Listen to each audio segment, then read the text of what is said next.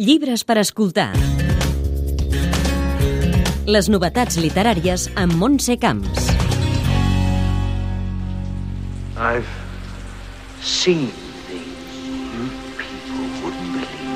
El Festival Cosmòpolis se centra en aquesta edició la ciència-ficció, un gènere literari que pren més sentit que mai en un món en pandèmia, que s'ha hagut d'afrontar la por, la incertesa i l'emergència. Una ficció que intenta entendre què passa, imagina futurs immediats, qüestiona presents i molts paradigmes. Un debat necessari que no podem deixar de banda. All those moments will be lost in time. Avui, doncs, parlem de literatura fantàstica i de ciència-ficció i per això hem trucat a la porta de quatre editorials especialitzades en el gènere perquè facin la seva aposta. Ramon Mas, editorial Males Herbes. M'agradaria recomanar L'estrany miratge de l'Enric Erces, la tercera novel·la de- d'aquest autor de Reus, i és un thriller policíac ambientat en un futur proper, on la realitat virtual, o sigui, el món virtual i el món real es confonen. Eh, Aquest futur proper està dominat per corporacions, grans corporacions econòmiques i sectes religioses, i és un llibre que, a banda d'atrapar el lector amb una trama totalment policíac, Eh, també funciona com a llibre de denúncia perquè denuncia certes tendències polítiques que veiem en el nostre present. És d'aquest tipus de ciència-ficció que, tot i parlar del futur, en realitat està fent una reflexió sobre el nostre present.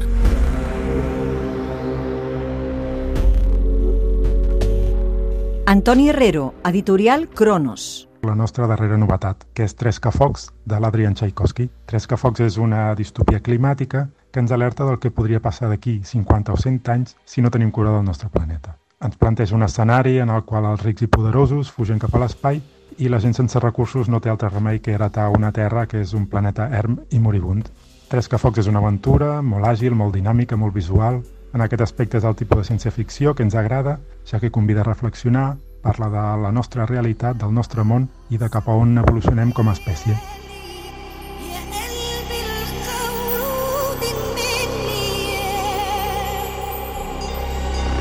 Marta Torres, editorial Hermenaut. Les ales de l'Arna, d'Andreu Grau, és un llibre sobre les peripècies d'un terapeuta espiritual que es diu Emil Julià.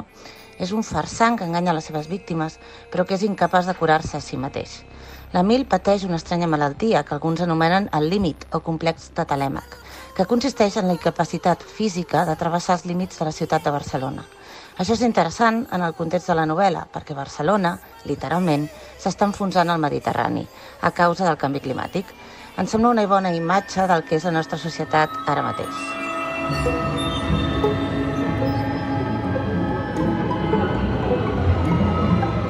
Sergio Pérez, editorial Mai Més.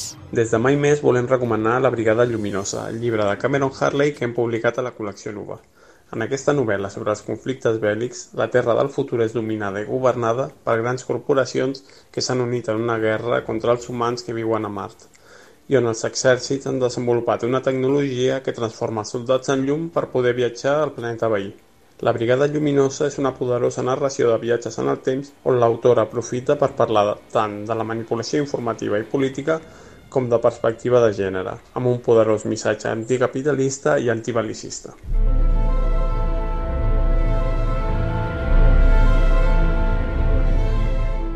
I també val la pena parlar de dos títols més. Un és Friday Black, el debut del nord-americà Nana Kwame Ajay Brenià.